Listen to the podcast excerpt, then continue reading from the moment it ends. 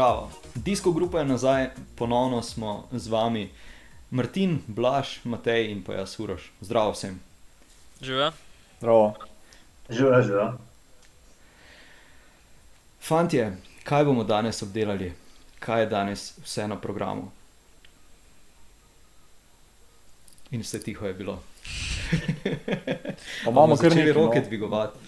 V bistvu po, Flandriji, po Flandriji se kar nekaj dogaja ta teden, Mhm. uh, tako na moški kot na, kot na ženski sceni. Tako Da si bomo pogledali v bistvu dve izvedbi dirke, eno po skozi in eno po Flandriji, uh, tako v moški kot v ženski različici. Rekli bomo pa tudi kako o dirki uh, Indorejna uh, in o zmagi velikega starega Alejandra Valverdeja. Odlično. Dvars Don Vlanderen, uh, torej dirka skozi Flandrijo.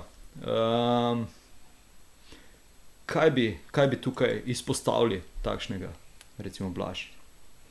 Um, ja, na kakšen način je v bistvu Barle zmagal. Ne? To je ta stvar, ki bi jaz najbolj izpostavil. Um, taki nekako begi ponavadi uspejo lih takim, ki niso favoriti, ne, nekak, ker une razne vanderpole uh, in podobne, take zmer imajo vsi nekako na radarju in jih niti ne pustijo prav kaj delač. Van Barle je pa tako, tak kolesar, ki je v bistvu že se že celo sezono nekako pele zelo blizu, skozi je nekje zraven, ampak nikoli tam po samem vrhu. Mm, in v bistvu je tukaj izkoristil priložnost, ne, v bistvu se je odpeljal kok že dobrih 50 km od cilja. In um, nekako, ja, no, vsak se je hotel malo pošparati, ne, ker 50 km do cilja nekako že vsi probejo malo taktizirati, noben se noče ne vem kaj razmetavati, predvsem ne za svojega konkurenta in v bistvu na tak način pol taki pobegi uspejo. Ne. Um, Vmes so bili v bistvu že zelo blizu ne, in so ga nekako že mislili, da ga imajo um, nekako pod nadzorom, ampak pol je v bistvu ta prednost spet nekako zrasla in na koncu so v bistvu lahko nekako ležerno, uh, mirno čez cilj pripeljali, uh, brez stresa, ampak ja. Um, mislim, da je to ena taka tak način, uh, na katerega si želi vsak nekako mojster za klasike zmagati s takim pobegom. Ja, Matej, ti si ravno v prejšnji epizodi uh, rekel, oziroma smo oba dva nekako rekla, da so, da so bili uh, pri Neosu kregani uh, za, za, za svoj stil dirkanja, zdaj pa je uh, Van Barle kar vseeno malo presenetil, no, vsaj mene, moram priznati. Ja, malo je presenetil. Jaz bi izpostavil, da je bil on uh, odličen kolesar za klasike. 2016-2017 sem se pogledal, je bil na Flandriji četrti in šesti. Takrat je dirkal še za Canada. Ko je stopil v Sky, se mu je pa pač zgodilo to, kar se marsikomu zgodi. Prestopil v Sky in je uh, bil bolj pomočnik. Da ta, to sezono se mu je pa spet lepo odprl in um, v bistvu sta s Tomom Pitkom glavni orožji za te klasike. Um, jaz sem bil zelo vesel, no, da je zmagal. Mislim, jaz moram priznati, da, da ko sem prišel iz službe, sem tiste zadnje kilometre ujel, tako da tistih v bistvu paca Elija Vivianja uh, nisem ujel, uh, pa tudi balerini in Trentin sta bojda bila tam zraven uh, ujeta. Je bilo to kaj, uh, kaj, kaj posebnega, uh, se je kaj posebnega tam zgodilo? Mm, V bistvu Mislim- nič kaj, sam zdrsno je iz ovinka Vivijani in dejansko tam sta, mislim, da balerini preventivno zapeljal za njega. Um, in pravzaprav nič ni bilo, no, da sta nadaljevala par sekund spet, da, da sta ga ujela, ampak nič, nič kaj pretresljiva ni bilo. Mislim, da je Vivian iz tretje pozicije padel, ne? to kar orang. Mene je presenetilo, kako sta, mislim, da kolesarja Kubeka Asusa, ali Asus Kubeka, se ne kako se reče. Uh, s kakšno hitrostjo sta preletela v vink, mislim, onega, ki je bil spredaj, se je glih komaj da rešil, no? mislim, da je kar malo ga počes obnašal. Tako da ni presenečenje, da je Vivian za njim padel.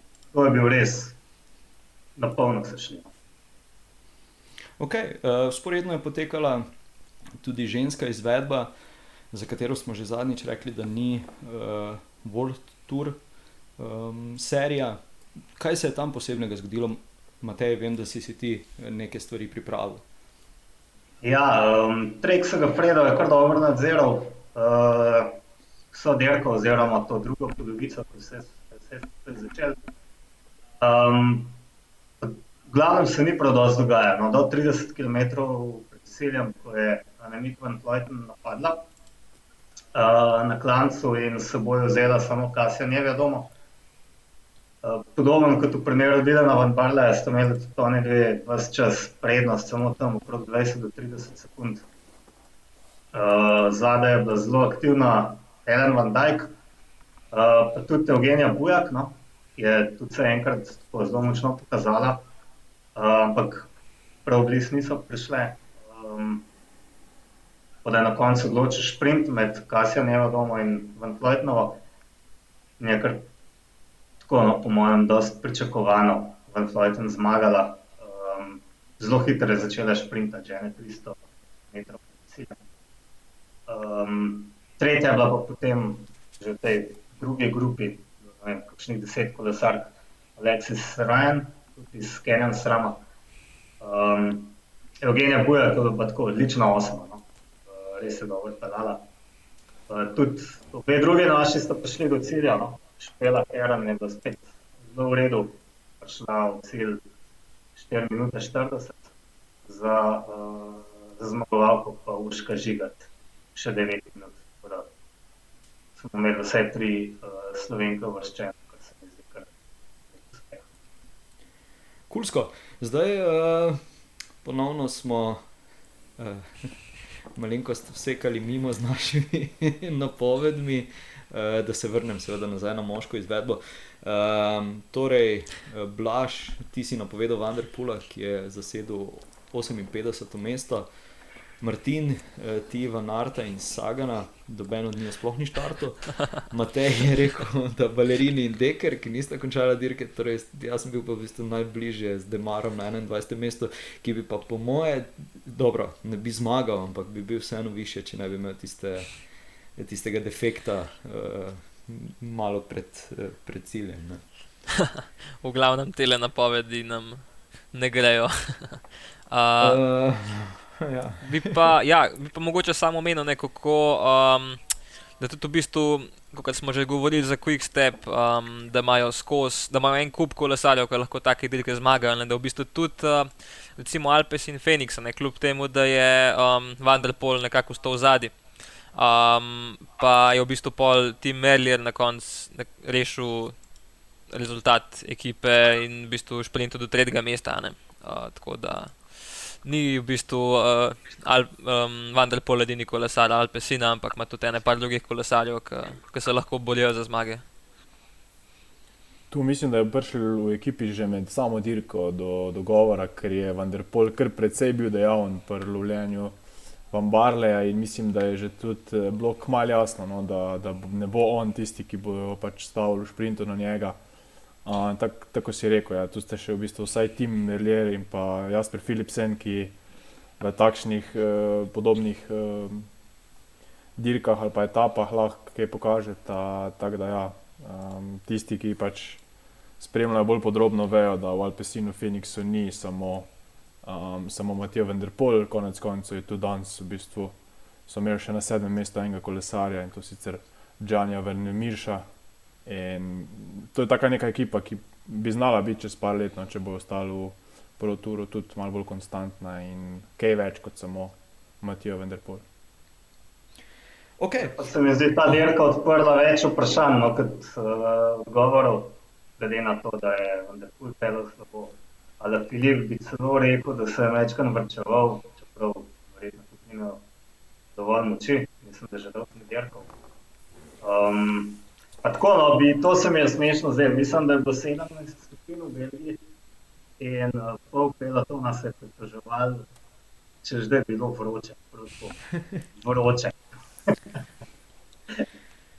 Kar je res, kakšnih 10 stopinj preveč je bilo, no, ampak vročini je govoril.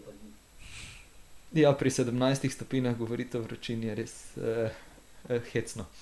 Ja, ok. Uh, nadalje, če gremo Grand Prix uh, Miguel Indurejna. Valverde je zmagal, uh, komentarje, edino, ki sem jih slišal, so bili ti, da, da nekako ne morejo resno imati te zmage, ker ni bilo neke hude konkurence ali nekaj tajega. Ampak predajam tukaj besedo, da ne bom preveč uh, kavčarsko pometoval, ker si res nisem, nisem uspel gledati uh, te tekme oziroma dirke. No. Ko je res dober, dober se bo videl zdaj na dirki po Baski, um, ampak tako zelo slaba konkurenca tudi ni bila. No. Um, zanimivo je bilo, da tako še vem, 40 km pred ciljem, 50 km pred ciljem se je vozil čez zadaj v Dovnini. Potem je pa dvakrat napadel na predzadnji klanc, um, oziroma zadnji kategoriziran klanc, ta je bil šnih 10 km pred ciljem. Prvič ni šlo, drugič je pa napadel tik pod vrhom in uh, se odpeljal na takem zelo zaguljenem spustu po oski cesti v ostrih kovinkih. Uh, ujel je Luisa Leona Sančeza, ki je bil že prej v begu. Uh, tam pa ni pomagal, kot temu, da so bila zelo dobra prijatelja. Čež da je čakal um, Oskarja Frajla in pa Aleksaja Lucenka, ki so bili zadaj. No, Lucenka je dejansko pričakal, ampak je Valverde, čim je Kazahstan svojil, še enkrat trupno uh, na en krajši planček, se, so se spet odpeljala, a se Lucenko ni dal spet ujel, ampak je Valverde še četrtič, se pravi, res oren krupno, na 15% klanc pred ciljem in um, do konca je imel samo še spust. To je pač, pač trasa, na kakršni on um, pač zmaga. Ne. Tako da ne bi rekel, da so bili res slabi kolesari, ker Lucenko je le odličen, da se Leona Sanča zdaj težko premaga. Ampak je pa res ne, prihaja dirka po Baski in tako pa to prav test. Je pa no pomembna no, ta njegova zmaga tudi pred uh, uh, valonskimi klasikami. Ne. Na Amsterdam Gold Race, da bo videl prvo zmago šele, je pa na valonski puščici zmagal petkrat, pa na lež Boston lež dvakrat. Zdaj, močno dvomim, da lahko to ponovi, ne. Gre pa lepo videti, no zmagati. Um, ja, jaz bi tukaj rekel, da lih potem, kar smo videli na um, dva zelo v Londonu, da v bistvu ni nič nemogoče, da tudi uh, Valverde, ja, da še ni za odpisati, kljub temu, da je že, koliko, mislim, da bo letos star 41 let. Ja, tako je. Um, tako da pri teh letih, glede na to, kaj dela, um, ja, nekako un tihi favorit ali pa vsaj nek wild card uh, bo za me zmeraj ostajal. No. Sploh če je taka dirka, uh, neka trasa taka, da mu ustreza, um, je zmeraj lahko tako nepredvidljiv. No. Je pa, preden gremo na ronde, te očitno Denk slišal, ne? ker je tudi sam rekel, da, da je Sagan prišel v jesen svoje kariere. In da je njegova prihodnost pri Bori negotova.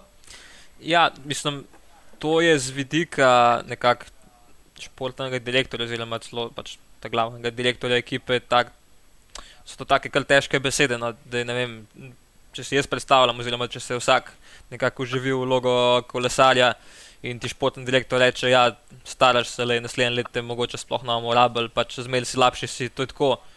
Mislim, Sagan lahko letos še mrske zmaga ne, in da ga v bistvu odpiše zdaj že po parih mesecih sezone, to je tako, ja, precej težke besede. No, sam, um, Lahko pa da je to neka motivacija za Sagana, da ga bo to počgal, ker mogoče je ta karakter, da rab kako bi rekel, temu brcu urit na tak način, da pa v bistvu pol nekako spet zaštarta in uh, spet zmaga, kakšno tako večje zadevo. Um, tako da ja, mislim pa tudi, če recimo Bora ne bo podaljšala Saganu pogodbe, um, bo. Bo vstal v proturu v neki veliki ekipi, tako ali pa drugače. Že sam zaradi tega, mogoče je tako medijsko prepoznavan, o tem smo že govorili. Um, v bistvu ja, je nekako dela šov, um, mogoče ne iz kolesarstva samega, ampak tudi iz tega, vse, kar je zraven. Ampak kot vemo, tudi sponzorji so nekako mahnjeni na Nanga in ja, bo, bo še kar ne par let nekaj zraven. Vprašanje, kaj je Ralf Denk res rekel, pa kako se to povzema novinarji. Ampak um, tako dvomim, da bo Sagan še služil po 5 milijonov na leto. To je eno. Uh, drugo pa je, da je pač star šele 31 let na po drugi strani. Um, Jerko je dosti starejši kolesar in to zvičava. Ja, sej, pri teh letih je to, kot da bi rekli, da Primoš Roglič ne bo več eh, zmagoval. Ne? Mislim, enako sta stara na koncu koncev. Ja. Martin, bi še ti kaj dodal? Se Ja, v zdelo, bistvu da si, da si tu- dvignil roko. Tu, tu Blaž, se strinjam z Blažom v bistvu glede Saganove medijske prepoznavnosti, ker je res um, tudi ne samo sponzorji, tudi navijači. No. Jaz se spomnim začetka dirke po Franciji v Bruslu, ko je, ko je bilo pred uh, avtobusom Bore pač množica ljudi v primerjavi z ostalimi, res, res uh, do Sagana se sploh ni dal prid, uh, njegovi maseri in serviserji so imeli vlogo eh, varnostnika, ko so ga spravili na štart. In, ja, če druga ne, mislim, da Izrael eh, bo izkazal kako zanimanje za njega, ker Grajpel je pa le še malo starejši in uh, bo rabil enega šprinterja oziroma enega aduta poleg uh, Krisa Fruma, da bo v jeseni svojega življenja pri njih dirko. Pol, To je ta seniorska ekipa, ne masterica. Ne. lih, lih, to, lih to sem hotel omeniti, ja, da pol velja ta Matejeva teorija, da je Izrael nekakšna ekipa za upokojence oziroma tiste. Sem, sem potem tudi imel 5 milijonov eh, na računu. Ne? Ja, pet mogoče ne, več kot tri bi pa skoraj eh, dal roko v ogenj, da, da bo pri Izraelu dobil. No. Ja, pa eh, preden še gremo na, na ronde, današnji uh, Buhani pravi, da ni nič kriv, ne? da si je pogledal vse posnetke in da on ne, on ne vidi problema v, v svojem dejanju, da on je v bistvu samo šprintal. Ne? in Da, Kar sem jaz razumel, je razlagal, da saj nisem na lašč, nisem hotel, da se poškoduje. Saj to verjamem, ne, da ni hotel, da se poškoduje, ampak kar je delo, je bilo pa noro. In ne vem, še vedno šprinta, danes je bil na Drugega. Ja. Drugi celo. Drugi, ja. tretji. Ja, drugi, Drugi. Drugi. Lahko ta človek še vedno šprinta? saj. Mislim, Ne. ja, sej, to, Bodimo je si res na jasnem, da, da uh, Grunewegna so takoj pospravili. Dobro, se je tudi zelo vključen, se takrat pol to ne bi mogel delati. To bi morala, tukaj bi morala bolj ostro in predvsem bolj hitro reagirati. Uh, Ne, Mogoče najbolj tako hitro je, kot- Ker z- zgleda dejansko, da zaradi Jakobsenove poškodbe so takrat res hitro uh, odreagirali, medtem ker zdaj pa kao ni bilo nič, pa ne. Pa, tako sem že v prejšnjem tednu rekel, se mi zdi Boanjeva poteza veliko bolj sporna kot pa Grenevegnova. Tukaj se je, ja, lik zato se gre, da ima uci nekako. Mislim, ja, da smo spet kritični, pa pametni, ampak ja, kot da bi imeli dvojne standarde, nekako. Zdaj pa se je sploh ni padel um, Stewart, a ne se je sam, ne vem, sicer se je neki roko podrgnil v ograjo, neki je spustil zdaj par dirk zaradi tega. Um, ampak ja, no, pač smiselno je take stvari ustaviti še preden se zgodijo, ne takrat, ko bo. Ko se bo recimo ponovil spet Jakobsen, um, takrat bo pač prepozno ne, in takrat ja, bojo ukrepala. Ne, sam, um, lik za to se gre, zakaj ne bi ukrepali, v bistvu, ko je še čas, sploh recimo njega, ki se pogovarjamo o njemu že zadnje tri epizode, da, da je to kritičen karakter, um, da je pač nevaren za ostale. Ne. Mislim, za, za sebe je kaj šele za ostale. Ne. Um, ja, ne rab grupaš tazga kolesarja imeti. Zdaj, če, mene, vs- če jaz vozim skozi mesto 100 na uro, ne, me kaznujejo takoj, če me dobijo. Uh, ne glede na to, da sem nekoga zbil, ali ne. Tukaj bi moralo biti pač popolnoma enako. Ne, ne glede na to, ali se je uh, poškodoval ali ne. In se je, ne, ker ima zlomljeno roko. Ne, Stewart, tako da tukaj bi moralo biti kazen takoj. Mislim, ja, je že isti. Spet, videli smo, kaj se je danes dogajalo, neke diskvalifikacije za Točno to, točno to je bilo moje izhodišče. Ne? Zaradi tega, ker danes, eh, danes recimo tista, eh, tista, tista diskvalifikacija eh, Mihajl Šara, eh, Šer, kakorkoli se izgovori, ti, mislim, tista je za lase privlečena eh, izključitev, vsaj za moje pojme, no, z mojega vidika. Se pravi, Medtem ko- diskvalificirali so ga, da razložimo, zaradi tega, ker ne bi smetil. eh, Pri čemer je, kot smo na televiziji lahko videli, tisti bidon vrgel gledalcem, kar se meni zdi čisto normalno, to se je vedno dogajalo. Ne vemo, mogoče bo še kaj drugega, česar nismo videli. Ja, tu, tukaj so ga, ja, kot sem pač vse informacije, ki sem ga dobil, ja, je bil to razlog, da so ga diskvalificirali, točno zaradi tistega bidona, ki ga je vrgel tjah navijačem. Vsi smo, mislim, gledal sem posnetek, takoj, ko ga je vrgel, nekako se je spomnil, oklepa, ne smem bidona vršiti, in takoj se je nekako začel po glavi, mislim, točt, uh, kakorkoli. Uh, ampak ja, pol pa dobil v bistvu iz uh, sodnikov avta informacijo, da je pač diskvalificiran zaradi uh, onesnaževanja okolja, ampak um, to je v bistvu oducija nekak neumnost svetovnih razsežnosti, če lahko temu tako rečemo. Pač, tudi to odmetavanje bidonov k navijačem je nekak del, del marketinga vsake ekipe. Pač, na tak način se, ja, se dela reklama, ne, že mnogo let. In, um, Zdaj, ja, mogoče bo kakšen naravovarstvenik uh, grdo gledal, ampak uh, mislim, da s temi bidoni prav kakšna taka um, problematika ni bila nikoli. No. So bili kakšni uvitki od gelov, ne, to je recimo tega noben od gledalcev ne pobira, to je mogoče malo bolj um, komplicirana zadeva, ampak bidoni pa nikoli niso, da bi kar ležali ob cesti, pač zmer so jih pobrali navijači, če ni bilo to res neko, neko odroč, nek odročen kraj. Um, tako da, ja, no, mislim, da UCI ima veliko hujše probleme, s katerimi bi se ukvarjal, ne zdaj kle, da nekdo odvrže bidon, kjer, um, kjer ga je itak pol nekdo pobral in to se je tudi na posnetku videla, ne. zato se gre. Po drugi strani sem pa opazil, da se je zelo razpaslo zatikanje ovitka od gelov in čokolad pod sedež, prav med rejle in sedež. Kar vsi vemo, da bo tisto prej slej odletel. ne. Prav danes se je videl, ne vem več, kar kolesarja, je Marko Haller. Uh, je Ja. zatikal to pod sedež in ne vem, ni bilo 5 sekund, zadeve ni bilo več tam. Prav, ne to. vem, tega se pa ne kaznuje, pa je to v bistvu samo nasnaževanje z nekim odlogom. Desetih sekund, ali pa minute, pač prve luknje. To je smešno. Ja, eh, zdaj eh, še pred, eh, še pred eh, Mihael Šarm, pa je sta bila v bistvu izključena Fedorov in Vergarde, eh, ki sta pa imela fizični obračun, no dva sta pa eh, preveč buhanja gledala. Ne? Eh, ne vem pa, zakaj se je tam šlo točno, eh, zakaj sta v bistvu oba dva popenila. Uh, To so zdaj, te, zdaj so fulmoderne ti znak podpore in jaz mislim, da je bil to znak podpore Bojanju, da, da sta ona z njim. ja, ja. Si res ne Že res ne vem zakaj so na, začet, na začetku dirke, ko res še niti ne gre za res, pa hkrati ne gre za res. eh, Dva kolesarja, ki nimata neke večjega pomena na tej dirki, um, začneta nek prepir. Ja, verjetno samo na dva veta, kaj točno je bilo, ampak ja, tega, tega tako je prej Blaž podobno rekel, tega peloton ne rabi. Um, zaradi takih stvari se sam kakšne večje neumnosti oziroma težave pojavljajo in to je treba nekako kaznovati. In ker prav, da sta bila izključena. Um, ja, tukaj v bistvu. Jaz mislim, da ni bilo tukaj nič tazga.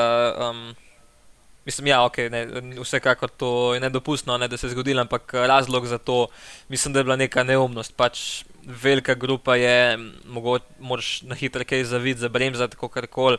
In un kolesal za tabo, tukaj so glave razgretene in um, mrzkomu hitro mm, mu hitro zavre. ne. Uh, in je pol rezultat to, kar smo videli, ampak to vsekakor ni pač upravičljivo, da se to pol na tak način rešuje. Um, je pa, ja, mislim, lahko bi tam en padel. Ne. Tudi tam smo videli na posnetku, mislim, da je bil Postelberger, kolesar Bore zadnji, je mahal, češ, fanta, kaj se gre, stane že tako, je dosti nevarna dirka, ne, pač ne, ne delite še tega, ne zdaj. Um, tako da, ja, ne vem, kaj bi tukaj razlog, ampak ne vem, tega je, tega je zadnje čase preveč. No. Da, mislim, da se morajo uci s tem ukvarjati, ne s tem, kdo kje vrže bidone, ki ga pol itak nekdo pobere. Ne. Tako da, ja, no. upam, da bo začeli delati tudi kaj na tem. Z bidoni je bila res neumnost. Tukaj je bilo pa čisto prav, da so jo izključili. Ja, vsekakor. Um, zdaj, da, da bo jasno, um, uh, Fedorov je s prve pozic, na prvi poziciji zapremzal, ne. to se pač ne dela. In zaradi tega je odreagiral uh, Vergerde. Lukas Prstelberger, mislim, da je bil zadaj. In kot se je meni zdelo, se je on najprej razburjal zaradi Fedorova. Ne? On je bil na tretji poziciji, da ga je najprej to zmotil, da, se, da ga niti ni tako zmotila, pregrda je poteza. Um, potem se je to še nadaljevalo, se je Fedorov je potem spet nazaj, nek manever naredil, pa zapeljal pa nazaj. To sta kot dva otročka bila. Ne? Potem so se še razburjala zadaj, uh, se je videl, so že diskvalificirali, so se nekaj pogovarjala, pa pregovarjala s komisarjem. Zato je to smešno izpadlo. Znaš, kaj bi naredil športni direktor, tvoj, če bi to špičil? Um, ja, v bistvu tukaj en tak, malo bolj resen pogovor. No, zdaj ne vem, če se to že prej ponavlja, kot pri Buhanju. Um, bi razmislil, če bi ta zga kolesarja jaz rabo v ekipi. Um, da, če je bilo to prvič, pa ja, no, mislim, jaz sem tudi kdorkoli dirko, a ne je videl že mrskej, pač nekako pri 180-190 pulza.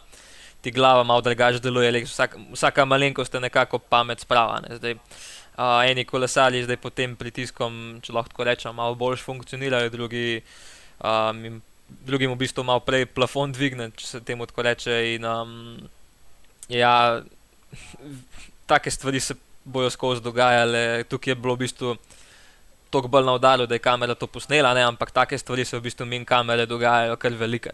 Um, Sicer tukaj ja, res je, da niste dvigali na rok z balance, ne? to je um, recimo neke vrste uspeh, ampak ja, lahko bi pa lahko zapela tam pa podarila pol grupe in um, takrat bi vsi malo bolj resno ukrepali. Ampak ja, bi ste bilo pa spet tako, da dokler ni nekih resnih posledic, pač si diskvalificiran in uh, se bomo s tem ukvarjali naslednjič, ko bo, ko bo nek bolj resen problem. Ne? Da to je, ja, vse, vsakakor pa nedopustno, ne? ni, ni zdaj izgovora za tako obnašanje.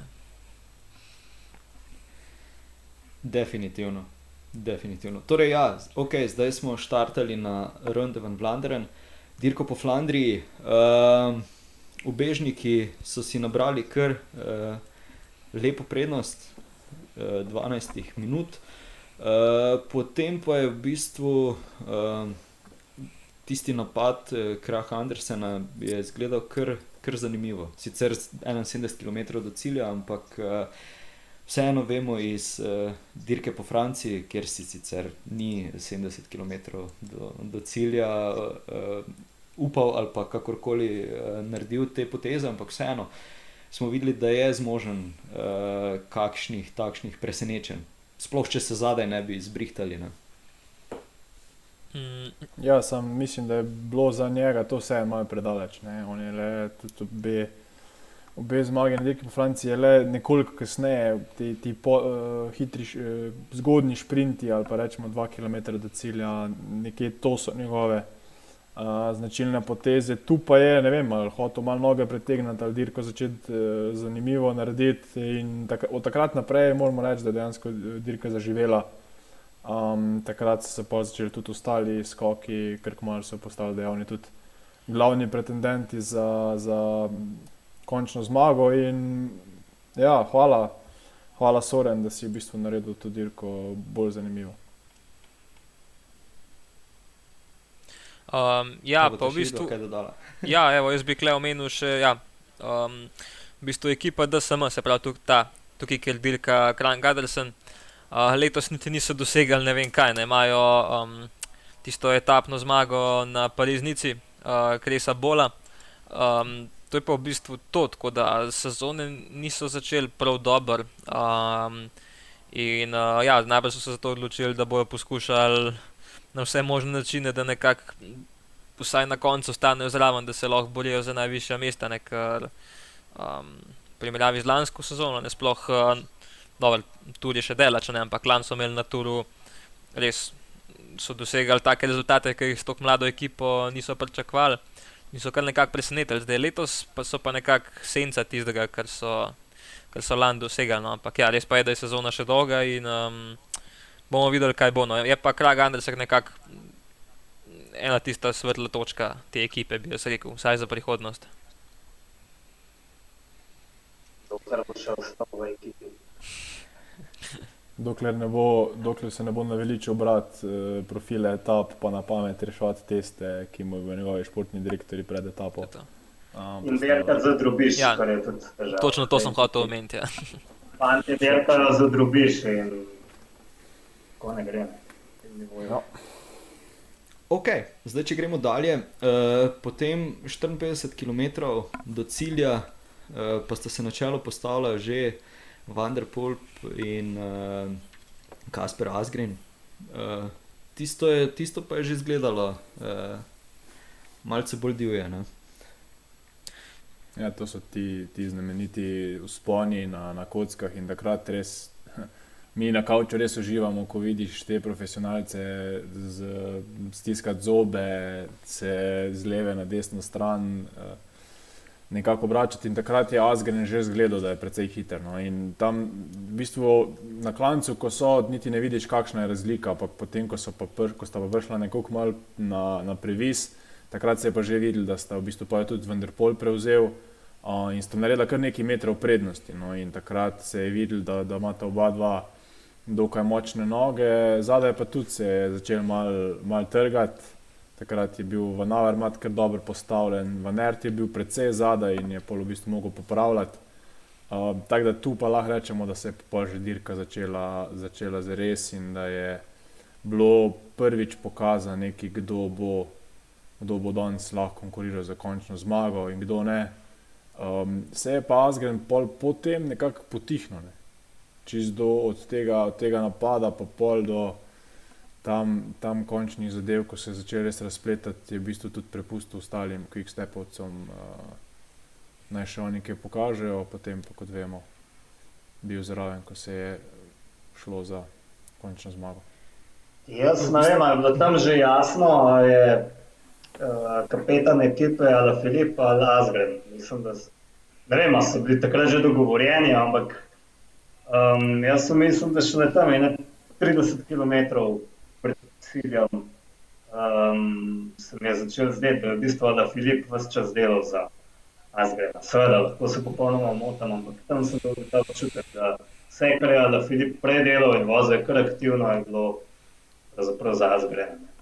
Ja, um, lih to se mene tudi zelo zanima, ne, v bistvu na kakšni točki določa sploh, kdo bo kapetan, pa kdo ne. ne ker um, neka teorija, ki jo zastavijo v avtobusu pred dirko, um, to je res zgolj teorija, ne, ker na sami dirki v teh 250 km, oziroma še večkrat več, se zgodi lahko res uh, svašta.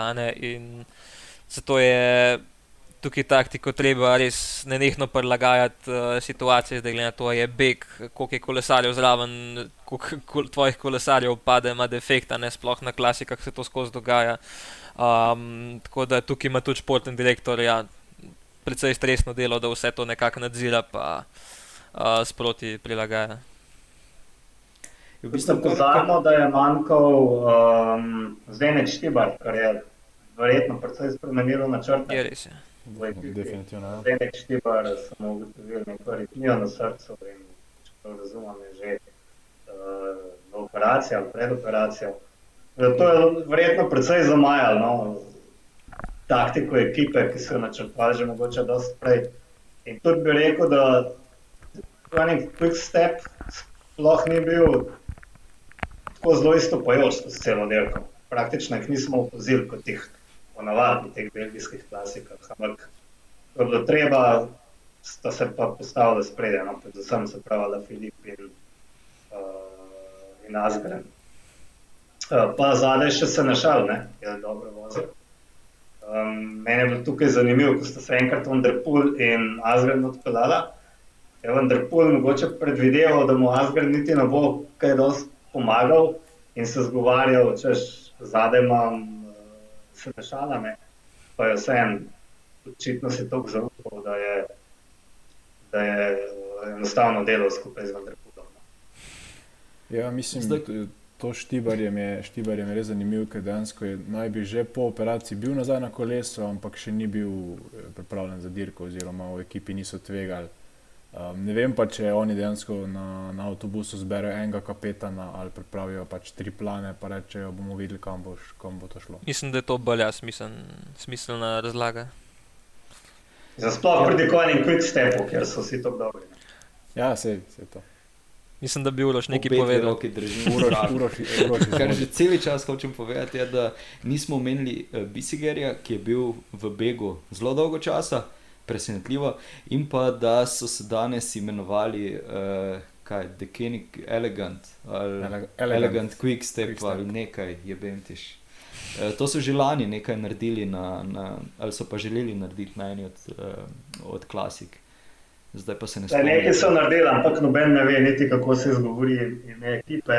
Uh, komentatorji so se motili vseh šest ur. Mi se motimo. Nihče ne ve, kaj je to bilo pravzaprav.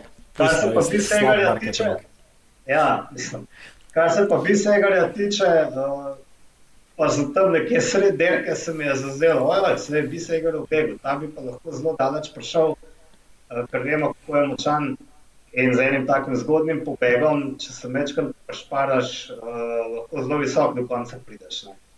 Um, kar na koncu ni bilo res, mislim, da je dosti zadaj prišel cilj. Ja, Ala Filip ga je vmes uh, ujel, oziroma se mu je priključil ne, s tistim. Ja, tam takrat, no, ob, ob tistem napadu, se mi zdi, da ga je v idealnem trenutku ujel, se pravi na vrh klanca, tako da ste se tako, tako naprej peljali. Tam je meni zelo betavno še vedno zdelo. Tem je pač prezgibno. So pa imeli pri uh, EF Education Nipo uh, tudi eno stvar uh, novo na tej dirki, oziroma so, so se poklonili vsem uh, tem, uh, ki so bili prostovoljci ali pa ki so, del, ki so delali v tem času, v teh COVID-nih časih, so imeli na, na eh, čeladah nalepke z imeni, če se je kdo zavzel. Morda. So, Si se matej zaradi tega, ker zdaj tako gledaš, da Jaz ne, jaz sem samo videl, da imajo večko drugačne čelade, pa v bistvu se nisem več kaj pogledal. tudi jaz sem opazil, ja, ampak nisem pa, nisem pa razloga vedno. tako da evo, Vsak dan se nekaj novega naučiš. še ena, še ena marketinška poteza, ki je šla mimo vseh razen Uroša. No, zdaj vemo. Am, ampak mimo nas pa ni šlo uh, to, da je v bistvu uh, se Marko Haler dosti dobro vozil. Zdaj, uh, neko informacijo sem mes med dirko, ko sem se pogovarjal uh, z prijatelji, dobil, da je shujšal 4 kg glede na lansko leto. Uh, Tako da v bistvu že, uh, ja, zdaj mi je iz glave padlo, že, že na prejšnji uh, dirki je zasedel dobro deseto mesto, zdaj pa ne vem na kateri. Zdaj, uh, šit, to pa bi zdaj Na moral E3 Saxo Bank je bil deseti. To, to, to, bil to, tudi zelo to. dejaven. Bil tudi že v bistvu prej dosti dejaven. Na koncu koncu lahko rečemo celo, da je bil samo deseti, ampak ja. Uh, cela ekipa Bahrajn, pustimo tisti Victorious, um, je nekako danes eh, nekaj pokazala, tudi Dylan Tuns je bil zraven, ampak ja, ko se gre pa za res, pa nažalost še vedno. Še vedno niso, niso dovolj močni, ampak ja, Marko je danes pokazal neke prebliske. Je pa to zanimivo dejstvo, ja, da je, da je shujšal in glede na to, da je bil prej mogoče bolj tisti šprinter, mu zdaj tudi recimo kakšna taka uh, rampa, kot so bile danes, ti, ti uh, klančki niso, niso tako problematični in se je kar dobro vozil, no, tudi konec koncev napadal in lepo, lepo, lepo oddelal svoje delo. Ja, potem pa imamo 27 km do cilja, napad Asgrena, eh, ki sta mu sledila Van Art in Vanderpool. Potem pa 17 km do cilja na Ode Quaremont, eh, tisti napad Vanderpoola, eh, kjer sem jaz mislil, da se jim bo odpeljal. Eh, Izvoli, eh, Blaž. Um, ja, v bistvu Vanderpolt, ko jaz sem že od tukaj, od tega na klanca, sem jaz nekako skozi malo cincov, a je, a je že na koncu z močmi ali ima še full rezerve, tako 30 km sem desetkrat mnenje spremenil. Že recimo na začetku tega klanca sem gledal, se je zelo majo, recimo sploh v ramah, tako te kolekcije delo levo, desno. To je nekako ta značilen znak, da je kolesar že bolj na koncu z močmi. Okay, sej, tukaj so bili res vsi že na koncu z močmi, a ne, ampak um, tako no, moram reči, da je tukaj že precej slabo zgledal, vsaj na začetku klanca, pol pa tisti napad. Um, Pitaj Boga, koliko vatov čez Julija je bilo to, ker um, zgledali res uh, da se je kar kadil za njemu, tukaj Van Alt res ni mogel nič kaj dosti narediti. Um, tudi uh, Asgren je par metrov razlike zaustal, par metrov zaustal, uh, pa je potem priključil zraven, ampak uh, ja, tukaj recimo že samo v teh par me, parih metrih na tak lan sem jaz um, od, iz tega, da je Vanderpol nekako že na koncu močmi do tega, da je favorit za zmago. Pa pa spet, v bistvu, ker sta skupaj nadaljevala do cilja, tudi nekako nisem bil. 100%, ampak mislim, itak, da je bil favorit, ne vendar pol je nekako na vsaki dirki, ki jo štarta, favorit, vsaj na teh klasikah. Um, ampak ja, Azgrem pa v bistvu kaže, v kako dobri formi je, ne, da je nekako lahko mu sledil čez te klance. Um, v bistvu to, kar se je pa na koncu zgodilo, pa, um, pa mislim, da ni nekaj dosti ljudi pričakovalo, da se to lahko realno zgodi. Jaz mislim, da je imel Azgren tako dosti slabe možnosti, ne, načeloma. Ker ni boh ve, kaj, kaj bi moral narediti, jaz skočiti bi mu mogel. Po mojem je bilo najboljše v zadnjem kilometru sam pelati se vendar pudu, ni kar tako ne. Vse to ne, očitno si je zelo za njega. Ja, očitno si je zelo zaupal, um, vedel verjetno, da, da, da mu z nekim zgodnim napadom enostavno ne bo uspel in pač poskusil srečo. Ne. Bil je bolj postavljen tam proti koncu za Vendrpulom. In osnovni problem je pa bil, da je pač Vendrpul zmagal. Ja, že prej opazil, jaz niti ne tokno. Um, zato je mogoče blaž trener, um, to jaz pa ne, te stvari opazil. uh. Ampak, um, ko na koncu, to ne vem, enostavno ga je odrezal, tega ne veš, dokler ne poskusiš, dokler ne začneš. Ne veš. Ne. Ja, v tem smo jih uh, z Martinom govorili, ali prej smo začeli tole snemati. Uh, v bistvu, ja, v zmagovalcu res odloča tistih 250 metrov na koncu, oziroma vsaj danes je bilo tako, ne, ampak v bistvu je pa odločal že tistih 250 km prej, um, koliko je kdo vrčeval z energijo, lih to smo prej govorili, um, tudi ta zgled, mogoče da na enem delu dilke je čist poniknil, nikjer ga ni bilo, pa pa na koncu eksplodiral, ne, tako da. Um, Pa spet po drugi strani, um, Vanderpola, on je nekako primarno, oziroma zdaj mogoče ne več tako primarno ciklokrosista. On je navaden tiste ene ure maksimalne intenzivnosti, kjer v bistvu obračaš 600-800 vatov ali pa nula. Um, in nekako zelo težko je imeti dve sezone v enem letu, že kot prvo to, kot drugo pa, da ste te dve sezone um, popolnoma različne, se pa tudi trening, recimo za ciklokros ali pa za um, take cestne dirke, to je res kot dan in noč. Um, to moramo vedeti medtem ko je v bistvu ciklokros um, veliko bolj krajša dirka, uh, veliko bolj intenzivna, se pravi, celo dirko gre na polno, in pa tukaj nekako večji del dirke tiste nekako srednje območje, ne? se pravi, ni maksimalna intenzivnost, ampak se pa pozna, koliko imaš ti v bistvu to. Aerobno sposobnost, natrenirano, um, da pa na, na koncu v bistvu gre pa i tako v maline, po domač povedan, in uh, se pol pozna, kako komu ostane. Tukaj je ja, mogoče vendar polo nekako tista manjka, tista malenkost manjka. No. Verjetno je predvsem to problem, da ima dve sezoni, oziroma jaz bi rekel, da ima tri. Ne. On namerava zmagati na olimpijskih igrah v krosu, v olimpijskem krosu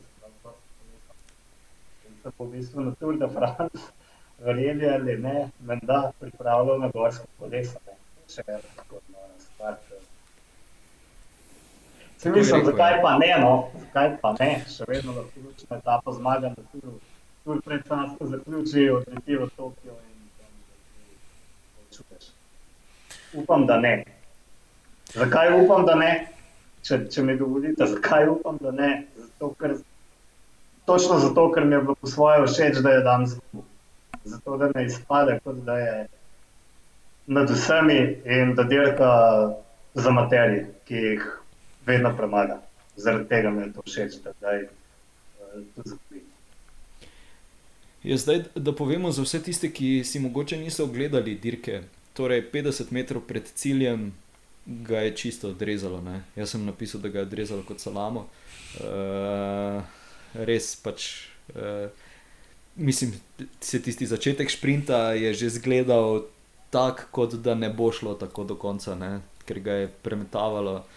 Uh, po kolesu to je, to je pač mogoče tista stvar, ki si jo ti že prej opazil, blaš, da, da, da dela neke korekcije uh, na kolesu z, z ramami, z vsem tem. Ampak ja, pač tukaj, tukaj se je res potem videlo, da je Asgren prišparal dovolj, dovolj moči, da je tistih zadnjih uh, 200-250 metrov odšprintal. Pa je bilo to to. Vanderpool je tudi uh, uh, čestital, čisto ok, uh, vedo, je, vedo je, zakaj je izgubil, uh, vedo je, kak je izgubil. Da, mislim, pač čisto gospodsko je prenes, prenesel to, ta, ta poraz, no, kako bi tem rekel. Mm, ja, nekako. Um, Vanderpola ni strah uh, predvsem nekako javnost pričakuje, da bo on zdaj vsako dirko zmagal, ampak to tudi on ve, da to ni mogoče. Se, se mi zdi, da se ne ozira toliko na ta pritisk. Ker, um, tudi če pogledamo, recimo Vanderpool, on bi lahko dobil pogodbo v mrskeri profi ekipi. Um, ampak nekako v bistvu je raje en rang nižji. Se pravi, ja, se je proturje, uh, ali pa si Phoenix pa v bistvu lahko zraven dela še 100 milijonov drugih stvari. Se pravi, kot smo rekli, ciklokros, voz, svetovni prvak je, uh, pripravlja se na olimpijske igre v mountain bikeu. Um, zdaj, okay, ne, en, en razlog je tudi to, da je vezan na Kenyon ne, kot uh, opremljevalec kolesa. Um, tako da ja, mogoče je to pa nek nov. Nova oblika, kako biti uspešen v kolesarstvu. Zdaj, ok, Pitcock nekako proba slediti temu trendu, Van Art je na podoben način deluje, sicer on je vseeno bolj na cesto specializiran, um, kot, um, kot je Vanderpol še v bistvu na mountain bike. Um, tako da ja, mislim, da oni nekako zelo uživajo, no pač delajo tisto, kar imajo radi in zraven pa še zmagujejo v bistvu, ne poleg tega. In, ja, mogoče je pa to nekako tudi za naprej, za druge kolesarje recept za uspeh, ker dobiš neko tako kolesarsko širino in nisi toliko specializiran samo v eno panogo in to mislim, da zelo pomaga k tem rezultatom. In ni imel belih hlačk oblečenih, ne? zato ni zmagal. še to je. Ja. Okay. okay. Zdaj, če gremo pa še na, na žensko izvedbo dirke po Flandriji. Uh, ja, ponovno so naše napovedi, že, že pri uh, moški dirki po, po Flandriji, uh, splavale po vodi. Uh, Matej, mi dva sva si pojda ogledala edina uh, žensko izvedbo. Kaj bi rekel? Moram, moram tudi reči, da jaz z napovedjo nisem tako zelo zgrešil, ne, lahko, ker je bila Elisa Longo Borgini četrta. Vse sem jo napovedal. Ne? Ja. Ja, ja, ja. ja. Tako da je bila zraven, no, ni. Ja, jaz, pa sem v bistvu, jaz pa sem v bistvu spremenil svojo napoved, pa, pa dal karte na Cecil. Znači, ja, ja, ja. V bistvu si mene zasral, da nisem mogel vzeti in potem. Ja, ja, le, točno to, to so točno te to, taktike, ne greš, ne greš. Ja, ampak tam, ko je, ko je napadla Cecil, sem pa že mislil, ok, eh, zdaj Mamo. se bo pa moja napoved uresničila, pa, pa se ni. Pa se ni. Ne, ampak v bistvu smo bili pa veliko bližji, ker jaz v bistvu z Vanderbroek Black sem bil naj, najdlje in je bila 19. Če vemo, da pri moških izvedbah nek, nekdo od naših sploh ne štarta, ne pride do cilja, smo dejansko tu pri ženskah bili uh, še precej bolj natančni. Ampak ja, zmage spet nismo najdli. In, naši poslušalci naj ne igrajo stav po naših nasvetih, oziroma naj dajo, da ta ne bo zmagal. Definitivno. Ja, mene, mene je veselilo, da je uh, Anne Mikman Floyd tam res tako dobro izpeljala. In da je obenem bila tudi malo potežljiva, ker hoče v preteklih letih uh, uh, ni bilo res, čeprav je vsem zmagvala, kljub temu, da je napadala absolutno prezgodaj. Uh, Glavno, ona je prvič uh, raztegnila na Kanarijanberg, že zdaj, če pred ciljem. Mislim, da je rekla, da se je ustavila zaradi nasprotnega vetra. Se pravi, šla tam po pameti, počakala. potem nameravala napast spet na Quaremont, uh, pa se je vseeno zadržala in potem dokončno upravila na Paterberg. Um, to je bil res genijalen napad, ki so na vrhu imeli tako majhno prednost, da kdo bi si mislil, da bo zdržala do konca, ampak če kdo ne, potem, potem ona. Um, kar je tukaj predvsem noro, ne, je, da je to ona stara 38 let uh, in da je na uh, dirki po Flandriji že zmagala pred desetimi leti. Točno to. Pred desetimi leti je ona tam zmagala in letos spet. In nič ne kaže, da je vem, drugo leto ne bi mogla spet. Res je. V bistvu je tam zadnjih, uh, od tistega napada dalje, potem kar nekako držala tistih 10-11 sekund, kasneje šele potem je šla prednost. Uh, Na večjo številko, ko so se zadaj nekako že, že kolesarke bolj kot ne vdale, oziroma so vedele, da bodo sprintale za drugo mesto. Tako da, ja, zanimivo. Smo pripravili kakšno vprašanje? Um, jaz jaz bi A, se pardon, sam še ne, na eno temo navezal, oziroma eno debato bi odprl, da ne vem, koliko imamo še časa. Um, ampak um, eno vprašanje, na katerega mislim, da nažalost ne bomo letos dobili odgovora, vsaj ne v tej spomladanski sezoni klasika. Ne. Um, naslednjo nedeljo, se pravi čez en teden, bi mogli gledati Dirko Paris Robe. Um, da nažalost, kot vemo, so jo odpovedali, prestavili, kako koli spet na jesenski datum. Um, da upamo, da bo izvedena, ne? ampak uh, zdaj, glede na trenutno formo, na to, kar smo videli danes, oziroma v prejšnjih, uh, prejšnjih klasikah, kdo bi pa bili vaši te favoriti, če bi bila ta dirka naslednji teden? Vsaj falit ne moramo. Je res. Ja, mislim, se, se ne, bi, ne, bi, ne bi se po moje veliko razlikovali. Zdaj sam, kdo bi bil pa v sprintu najmočnejši, pa verjetno bi jaz tu bi pred, predvideval, da bo prišel do sprinta nekih enih treh kolesarjev, recimo. Um, bi verjetno tu šel, ja, kaj pa vem. Vanderpol še ni dobil, ne? Vanderpol bi jaz neče rekel, zakaj ne? Um, ja, jaz bi klej v bistvu. Mislim, se je tudi. Ja, klej bi mrzker kolesar, ki je mogoče malo težji, ustal tukaj še zraven. Zdaj recimo Nils Polit, ne, par let nazaj, oziroma par let nazaj, na zadnji izvedbi, mislim, da je bilo to celo, uh, je bila, se pravi 2019 je bil drugi, če se prav spomnim, ne, tako da njega, recimo, on se na takih dirkih zna zelo dobro voziti, tako da, ne vem, pa še kakšne, še kakšne tak kolesarje, no, ampak jaz bi mislim, da zbral kar, uh, kar razgledano, sploh glede na to, kaj je pokazal danes, um, oziroma že zanč na E3. Um, bi jaz kar nekaj zbral. Če bi on zmagal še Paris Robe, bi bilo to res noro. In da sem zadnji zgodil, da je v istem letu v Enerki zmagal. Um, jaz bi izbral Van Avermeta, ne pozabimo, da je tudi on dober dirkal. Letos bil je spredaj in na koncu je bil pač tretji. Um, tudi težji kolesar, ko mislim, da je sposoben to zraven zdržati. Uh, jaz bi na njega stavil. Jaz pa bi rekel, da če smo na začetku rekli, da je, da je izjava eh, tistega direktorja Bore Počgala, Saga, Sagana, Sagana, kakorkoli, eh, bi, bi rekel, da bi, da, da bi Peter mogoče se pripeljal do zmage. Kaj pa vem, kaj pa vem. Po eni strani je dobro, da ne bomo tega, teh odgovorov dobili, ker Ja, bi videli, kako zelo smo spet falili. Ampak ja, ne sem sam rekel, da omenimo to, ker ja, pač je moja najljubša dilka. Za gledati, seveda, za dirkati. Mislim, da če bi bil dirko, bi si hitro premislil, ampak um, ja, to akcijo od uh, štarta do cilja, mislim, da ne, težko dobiš na kjerkoli drugi dirki. Res je, res je. Ja, ok, uh, gremo zdaj k, k vprašanjem. Uh, bom kar jaz začel. In sicer, uh, glede na današnjo dirko, torej na dirko po, po Flandriji, uh, kdaj je bila v bistvu uh, tista najmanjša razlika uh, v sprintu, katerega leta, uh, ja, torej med zmagovalcem in tistim, ki je bil na drugem mestu.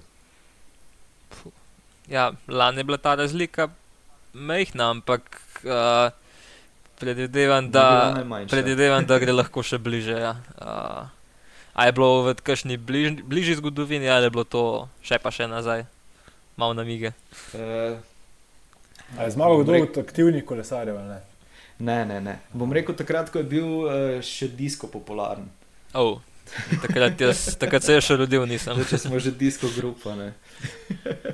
Pretirati ni treba. Okay, potem pa bom, eh, bom povedal, torej leta 94 eh, in sicer eh, Gianni Bunjo je premagal Johana Museva za 7 mm v sprintu. Torej 7 mm je bila razlika, tako da ja, leta 94. Okay. Okay. Kdo bo naslednji? Lahko jaz. Um, ja, evo, jaz bi se pa spet kar navezal na Pariz Robe. Um, kjer v bistvu nekako Slovenci še čakamo kolesarja, ki bi lahko na taki dirki zmagal. Um, vsaj zdaj nekako v, v tej bližnji prihodnosti nekako ni na vidiku. Um, ampak ja, jaz upam, da bo enkrat takega kolesarja imel, ki bo lahko recimo zmagal Pari, uh, Pariz, Lube ali pa Flandrijo. Um, tako da, evo, vprašanje, uh, kakšna je bila pa najboljša slovenska vrstitev na tej dirki in kdo je bil in kdaj, če komu slučajno rata zdaj. strelam na pamet, ampak se mi zdi, da ne. No, ker. Nič se mi ne zdi. Ja. E, Tadej je valjavec. Ali, ali sploh ni vozil, pa je bil v bistvu na Flandriji. Se bi rekel, verjetno bolj od nekih ne, hitrih. Ja, ja, blizu. Hauptmann ali pa, ali pa bole. Um, Matej? Ja, Božo, ne, Borod Božič. Tako je. Božič, ne, eh, kjer je bil, pa tudi ne vem, kjer ga leta. Ne, nisem googlal, ker sem najprej, najprej razmišljal o Simonu Špilaku, pa ne vem, on je tudi dober, enkrat. Ampak mislim, da je bil Božo, Božo močnejši. Ja, v bistvu, velik zato sem tako vprašanje izbral, ker ga mogoče ne moreš tako hitro na Google najdete. uh, ja, ja, uh, ja, to je bil Borod Božiča uh, leta 2015 uh, je osvojil 14. mesto takrat za Stano, to je bil tisti let, ki je na dirki zmagal Degenkolb. Um, tako da je ja, on se na takih dirkah zelo dobro pelati. Mislim, da je bil tudi na Gentu, uh, istega leta drugi za Saganom. Um, tako da ja, on je v bistvu bil nekako najbližji tem nekak kolesarjem za klasike, ki smo jih v Sloveniji do zdaj dobili. No, tudi recimo Blaž Jarc se je v njegovih najboljših letih uh, precej dobro pelil na takem terenu. Um, ampak ja, to je zaenkrat najboljša vrstitev, pa upamo, da, da bo čim prej kdo popravil. Res je. Zdaj, če smo že pri Parizu, obesen jaz glih, uh, zelo med tem našim pogovorom, v bistvu Matejo vprašanje poisku. In sicer moje vprašanje je, kdo je na zadnje v istem letu dobil dirko po Flandriji in dirko Pariz Robe? Uh, in katerega leta? Tom Bonan. -hmm ampak ne bi vedel, kdaj, kdaj je bila tista njegova zlata doba. Mislim, da sem bil. Tom Bonen je leta 2012 dobil ja, dirko, dirko po Parizu in dirko po Flandriji, ampak kot vse te verjetno njegove rekorde, mu je Fabian Kančelara naslednje leto, 2013, pobral tudi to in je dejansko dobil, dobil obe dirki. Ja, Tom Bonen in Kančelara sta, mislim, da res imela tako zelo dobro uh, borbo no, in je kančelara dejansko podedoval vse rekorde oziroma vse dosežke, skoraj vse Toma Bona. No. Med tem ja. pa še Google vprašanje. Ne, jaz še zmeraj iščem, kjer je špilar bil. Kdaj je vozil, pa nisem vem, ampak nam prišel. Mislim, mislim, da je bil on na Flandriji predvsej dober en let, ampak mi je dal res. Mislim, da mi je zdaj res iz glave ušlo, kje let je bil to. No. Ja, ja, ja. Vemo pa, če smo že pri tem, da je zmagal uh, Grand Prix Miguel Duran leta 2013. Ja, to je pa res. Epsko je zmagal s pobegom od začetka. Moje vprašanje se pa navezuje na dirko po Baski, ki se začne jutri. Uh, lani je odpadla, leta 2019 je zmagal Bask, ki jo ni zavire, ostane. Uh, vprašanje je, kateri Bask je na zadnje zmagal na tej dirki pred njim. Seveda ne boste vedeli. Pa praviš, da ne. Brez PCS. 2018 je primož zmagal. Ne? Ja, pač, jaz, jaz sem si pripravljal, da zadnjih šest let je, so zmagali sami Španci, razen Primoža, ampak kdo od njih je bil pa Bask. Pa, če... Leta 2018 je bila zelo zanimiva slika, ko stoji na sredstvu zmagovalnega odra. Uh, Primož Roglič stopa skozi baretko ogromno. Uh, levo od njega levo in desno od njega pa dva baska, ne, spravo nekje Landa in Joni Zagire na domačem terenu je premagal, ker je prekecno. No, zadnji bask je bil pa Ivan Majo leta 2003, to je bila zelo dobra sezona njegova. Uh, premagal je Tylerja Hamiltona in Samuela Sančeza, zmagal pa je že v prvi etapi in potem potrdil vodstvo v peti A in peti B etapi, tudi še časih teh vojnih etap. In je isti dan dvakrat zmagal. Uh, in takrat je mimo grede dirkal z ekipo Euskaltele v Skadi, se pravi Baskovsko ekipo. Uh, tisto, ki je propadla konc sezona 2014, ta je Euskaltel v Skadi, ki ga zdaj gledamo, je druga ekipa. Nima nobene zveze s tisto, razen da se pač bojo enako. Ok, ok. Ja, zdaj v bistvu gremo spet na, na naše napovedi. Um, uh, ja, kdo bo zmagal iz Culija? Slo Ja, Slovenci. jaz, Tukaj se uh, bo zdaj delila mnenja. ne? ja, jaz bi. Um, Rad bi rekel pogačar, ampak ga ne bi rad uh, z Jinxom ali kako se reče. Ker to letele napovedi nam ne grejo najboljš. Um, ampak ja, kakorkoli jaz upam, da ne bom na njegov rezultat vplival, ampak ja, jaz bom rekel pogačar, ker um, sploh brez dileme. No. Um, sem tudi, seveda sem tudi roglič fanboy, ampak um, nekako bi rekel, da vse en pogačar. Um, je za tisto malenkost boljši kot Primož ta moment. Pa se oproščam vsem poslušalcem iz Zagorja.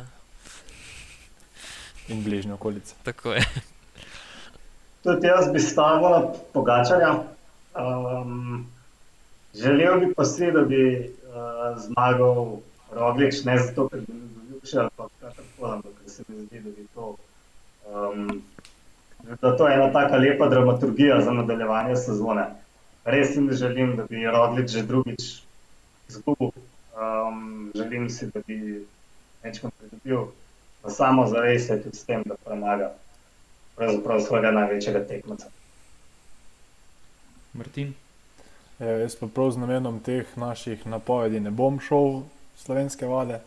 Čeprav ja, to, da sta glavna favorita, mislim, da ni treba niti poudarjati. Pa bomo rekli, da naj zmaga pač uh, domačin, ne? da naj zmaga Mikel Landa. Ja, zdaj pa moram jaz na ProCycling Stats pogledati. ne. A, a, kaj, kar pa štarta? Ja, naj bi, Karapas in Jejc sta za Ineos. Pol pa bom jaz rekel Karapas, eh, zgolj zaradi tega, da ne jinxam naših. Eh, Da bo to ne malo zaradi česa kriva, ne, vidva. drugega. Ja. Ok, zmenjeno. Se pravi, Jejc je zmagal. Ne? Okay. Upajmo, da ne. Ja. A pa Valverde. Tudi, tudi. A jaz mislim, da je vse lažje staviti na teh etapnih dirkah, kjer je vse preračunano. Ja, razen če ne padeš dvakrat zadnji dan. Mislim, No, ja, ja, ja. na vse zadnje pač traja en teden in se lahko marsikaj zgodi na teh nesrečnih klasikah. Pa, lej, ja, ja. Ja, sej, gledaš na števc, kar je brez veze. ne. Ja, kot Ja, ja, ja. bi tukaj rekel, jaz so vse te etapne dirke nekako. Mislim, da imamo vsi zelo dobre možnosti, da so naši favoriti vsaj od deset. Uh, na, Vedno jih imamo. Ja, ker recimo na klasikah um, je pa to tako. Lahko zmaga, lahko je, Motivira. lahko je ta zadnji, lahko je DNF, lahko je diskvalificiran, če stavaš na buhanje, se ni, nikoli ne veš. a Ne? Ej, kaj, kaj se je pol danes zgodilo z, z Ala Filipom? A je, a je odstopil? Ker ga Ne, potem, saj eh, pol nekaj naenkrat cilj nekako. nikjer bilo. Ne, Je on se je je prišel. pripeljal v cilj, ja, okay, vem, okej. kje noben ne ve, na katerem mestu se vse. Ja. 42. mesto, 2 minute in pol. Ni se pretegnil, no, verjetno bi Ja, lahko ja. bolj prišel. Ok. Uh, ja, še, še, še eh, ta Šilder Pris, uh, ki je zdaj not padel, uh, ki, ki bo imel vseeno uh, bolj močno zasedbo, zdaj ker je Pariru B uh, se predstavil. Zdaj Wout van Aert je napovedal tam svoj, uh, svoj prihod, uh, tako da jaz že kar s prve štartam oziroma stavim na njega. Uh, tako da vam prepuščam ostale tekmovalce. Ha. Jaz grem z uh, človekom s prebavnimi težavami in rečem Sam Bennett. Okay. Zdaj da gledam, to sploh dirka. Ja, tudi jaz, si- Ja, tudi jaz iščem. Ja. Pre, presenetil si me s tem vprašanjem. Jaz bom pa rekel, tim melje. Okay. Okay. Uh, Lih iščem štartno listo, če kdo sploh, uh, kdo sploh štarta še od teh favoritov. Oziroma favoritov. Ga favoritov- že že, izbor. dirka tudi, Aha, že dirka imam. tudi Boni. No, njega zihar ne bom. Razen, Nisem hotel reči, Razen, če bi ga, zakaj ja. Bi točno to je, razen če pol ga bo karma usekala, kot je ponavadi. Ja, in ne bo dirkal. Ja, ja, Ti boš štartil z istimi A. možnostmi kot jaz, ko sem zbral Sagana pa Vaneta. to je res. Ja. Um, ja, jaz bom pa rekel Pascal Ackerman, ne, ko v bistvu je nekako že blizu tekom cele sezone, ampak lih tisti malenko smo manjkali, res je bil ena. Dva, tri, štirikrat je bil na podiumu letos že, ampak tisto zmago pa še čaka. In, um, jaz mislim, da zna ta zmaga priti lih, uh, lih na tej dirki. Kulsko. Je nič. Uh, je to to za danes, je to to za ta teden. To je to. Mi, Ja, ne. mislim, da glede na to, koliko malo dirk je bilo, smo bili kar izčrpni. No. Ja, res je. Res je. Nič, se slišimo, vidimo uh, naslednji teden. Lepo bodite.